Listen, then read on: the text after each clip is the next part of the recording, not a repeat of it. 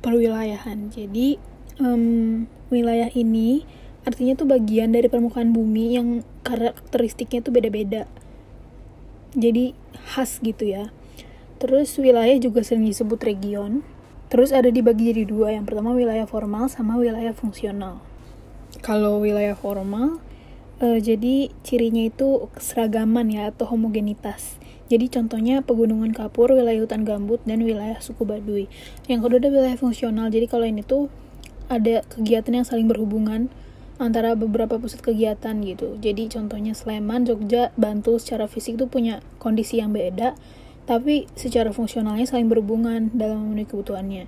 Terus kita lanjut ke pusat pertumbuhan. Jadi pusat pertumbuhan ini wilayah yang pertumbuhannya pesat dan bisa kasih pengaruh ke wilayah sekitarnya. Faktor yang mempengaruhinya itu ada sumber daya manusia, kondisi fisiografi, fasilitas penunjang, dan sumber daya alam. Lanjut ke teori pusat pertumbuhan. Jadi, wilayah pusat pertumbuhan ini tuh sering dijadikan ujung tombak wilayah buat ngembangin wilayah pusat pertumbuhannya. Terus yang teorinya itu ada pertama teori kutub pertumbuhan oleh Perroux jadi katanya pembangunan itu bukan proses yang serentak, tapi muncul di tempat-tempat tertentu dengan kecepatan dan intensitas yang beda-beda. Kedua ada teori tempat sentral, kata Walter Christoller. Jadi katanya teori ini tuh buat nentuin besarnya atau hierarki kota, banyaknya kota dan persebaran kota. Teori ketiga ada teori kutub pertumbuhan dari Faden Terus katanya kutub perkembangan itu diasumsikan sebagai ruang ekonomik yang ada industri penggeraknya yang bakal uh, menciptakan kutub-kutub perkembangan baru. Terus efeknya tuh menyebar.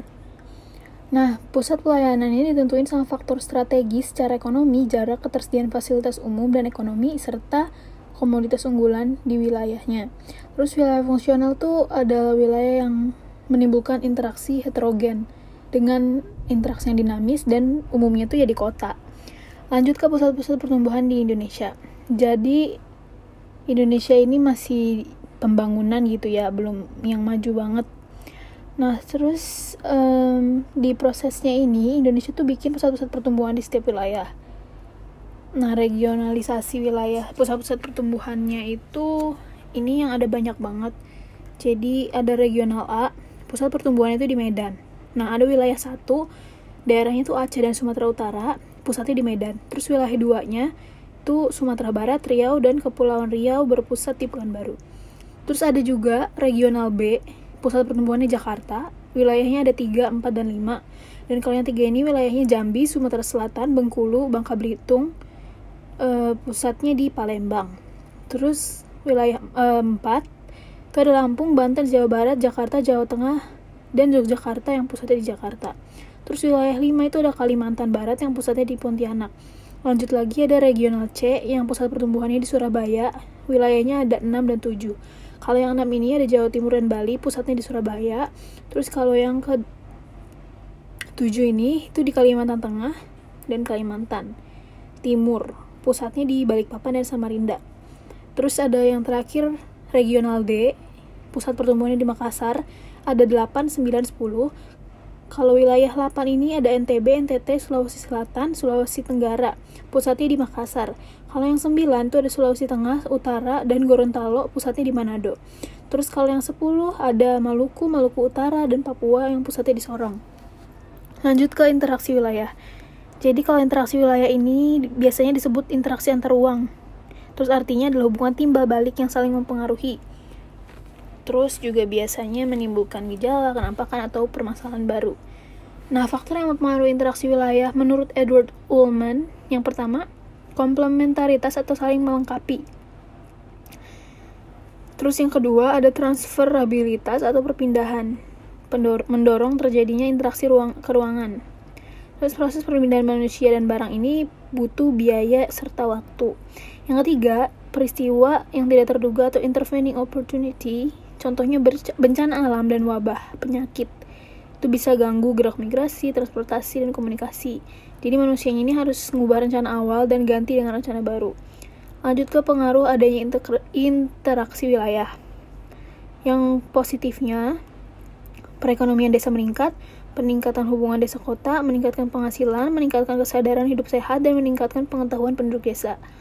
Terus yang pengaruh negatifnya, jadi ada konflik pemanfaatan lahan, terus sifat konsumtif, hilangnya ciri khas suatu wilayah atau desa, terus berkembangnya negatif seperti individualisme, materialisme, dan sekulerisme, terus ada juga alih fungsi lahan dari sektor pertanian ke non-pertanian. Menurut Bintarto, variabel pokok yang dijadiin tolak ukur untuk nentuin besar interaksi antar wilayah itu jarak antar wilayah yang berinteraksi. Lanjut ke pola keruangan desa. Jadi, desa ini dipengaruhi sama kondisi fisiografisnya bisa membentuk sebuah pola keruangan sebagai yang pertama memusat. Yang memusat ini ya contohnya memusat pada lembah atau puncak bukit. Terus kedua ada memanjang jadi biasanya mengikuti topografi, contohnya memanjang sepanjang igir, memanjang mengikuti aliran sungai, dan memanjang pantai. Ketiga ada terpencar, ini biasanya di desa yang wilayahnya pertanian. Terus pemukiman ini nggak teratur atau nggak berpola. Uh, terus juga ada pemukiman yang mengelilingi fasilitas. Biasanya tuh terbentuk di desa transmigrasi. Jadi pemukimannya dibuat mengikuti jalan, mendekati pasar atau sepanjang rel kereta api. Lanjut ke interaksi desa kota. Nah, pertama, desa sebagai hinterland bagi kota berfungsi sebagai yang pertama sumber bahan pangan, penghasil bahan mentah, penghasil tenaga kerja, pusat-pusat industri kecil dan tempat wisata keindahan alam. Terus selanjutnya, jumlah pengelaju dari desa kota terus meningkat. Penyebabnya itu karena kemajuan sarana transportasi, rendahnya hasil produksi pertanian, tingginya jumlah demand terhadap tenaga kerja ke desa, dan keterbatasan lapangan kerja di desa. Lanjut ke klasifikasi kota. Menurut Northam, kota itu adalah lokasi yang kepadatan penduduknya lebih tinggi dibandingkan dengan populasi. Nah, penduduk di lokasi itu nggak bergantung sama sektor pertanian ataupun aktivitas ekonomi primer. Jadi e, di lokasi ini atau kota gitu ya disebut juga sebagai pusat kebudayaan, ekonomi maupun administrasi bagi wilayah sekitar. Nah, klasifikasi kota ini bisa dilakukan dengan pembagian berdasarkan numerik dan non-numerik. Kalau secara numerik itu ada yang pertama kota kecil itu 5.000 sampai 20.000 orang, kota sedang itu 20.000 sampai 50.000 orang, kota besar itu 100.000 sampai 1 juta orang, Kota metropolis itu 1 juta sampai 2 juta orang dan terakhir kota megapolitan lebih dari 2 juta orang. Lanjut ke struktur ruang kota. Jadi kota ini punya ciri fisik dan ciri sosial. Ciri fisik ini misalnya tersedia supermarket atau mall, tempat parkir, terus juga tempat rekreasi dan olahraga, alun-alun, gedung-gedung pemerintahan. Kalau ciri sosialnya itu masyarakatnya heterogen, bersifat individualistis, materi materialistis, terus mata pencahariannya non agraris, corak kehidupannya Gesellschaft, jadi ke kerabatannya tuh pudar. Terus juga ada kesenjangan sosial.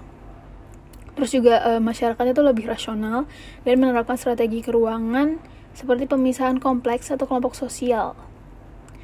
Nah, struktur kota ini bisa ditinjau dari dua aspek. Jadi, yang aspek pertama itu ekonomi dan yang keduanya itu struktur intern kota. Pertama kita bahas struktur ekonomi kota. Jadi wilayah kota ini jadi tempat kegiatan ekonomi. Penduduknya di bidang jasa, perdagangan, industri, dan administrasi. Terus juga kota tuh jadi tempat tinggal dan pusat pemerintahan. Kalau yang kedua struktur intern kota, jadi ini berkaitan sama struktur bangunan dan demografis. Pertumbuhan kota ini disebabkan oleh pertambahan penduduk kota, urbanisasi, dan kemajuan teknologi. Terus biasanya bersifat heterogen ditinjau dari aspek struktur bangunan dan demografisnya. Susunan, bentuk, ketinggian, fungsi, dan usia bangunan tuh berbeda-beda. Mata pencaharian, status sosial, suku bangsa, budaya, dan kepadatan penduduk juga macam-macam, namanya juga heterogen kan. Terus, um, selain itu, karakteristik kota ini juga dipengaruhi sama berbagai faktor seperti topografi, sejarah, ekonomi, budaya, dan kesempatan usaha. Selanjutnya ada prinsip pengembangan wilayah. Jadi tujuannya ini buat ningkatin fungsi lahan dan penataan kehidupan sosial, ekonomi, budaya, pendidikan, dan kesejahteraan untuk memajukan daerah itu. Terus juga pengembangan wilayah ini bisa diartikan sebagai upaya untuk mengembangkan sosial ekonomi, menjaga kesenjangan antar wilayah, dan menjaga kelestarian lingkungan. Jadi ada prinsip-prinsip dasar dalam pengembangan wilayah. Yang pertama, sebagai growth center. Jadi nggak uh, cuma bersifat internal wilayah, tapi harus perhatiin sebaran atau pengaruh atau spread effect pertumbuhan yang bisa ditimbulkannya bagi wilayah sekitar gitu, bahkan secara nasional. Terus juga pengembangan wilayah ini memerlukan upaya kerjasama pengembangan antar daerah dan menjadi persyaratan utama bagi keberhasilan pengembangan wilayah. Terus juga pola pengembangan wilayah bersifat integral yang merupakan integrasi dari daerah-daerah yang tercakup dalam wilayah melalui pendekatan kesetaraan. Terakhir, jadi di pengembangan wilayah ini mekanisme pasar harus menjadi prasyarat dan e, bagi perencanaan pengembangan kawasan. Lanjut ke penghitungan interaksi desa kota. Sebenarnya kalau penghitungan itu kan lebih enak dilihat sendiri, jadi ya mungkin bisa dilihat sendiri. Tapi yang pertama ada teori titik henti yang dikemukakan oleh William J. Reilly. Jadi fungsinya tuh buat memperkirakan lokasi garis batas yang misahin wilayah-wilayah perdagangan dari dua buah kota yang beda jumlah penduduknya. Rumusnya, jarak lokasi titik henti yang diukur sama dengan jarak antara wilayah pertumbuhan A dan B dibagi satu ditambah akar jumlah penduduk wilayah pertumbuhan yang lebih besar dibagi jumlah penduduk wilayah pertumbuhan yang lebih kecil. Gitu. Jadi kalau buat singkatnya JAB dibagi satu ditambah akar PA dibagi PB. Terus lanjut ke kekuatan interaksi wilayah rumusnya. Angka konstanta empiris yang nilainya satu dikali jumlah penduduk wilayah pertumbuhan yang lebih besar dikali jumlah penduduk wilayah yang pertumbuhannya lebih kecil dibagi buka kurung gitu ya jadi kayak ini pangkat jarak wilayah A dan wilayah B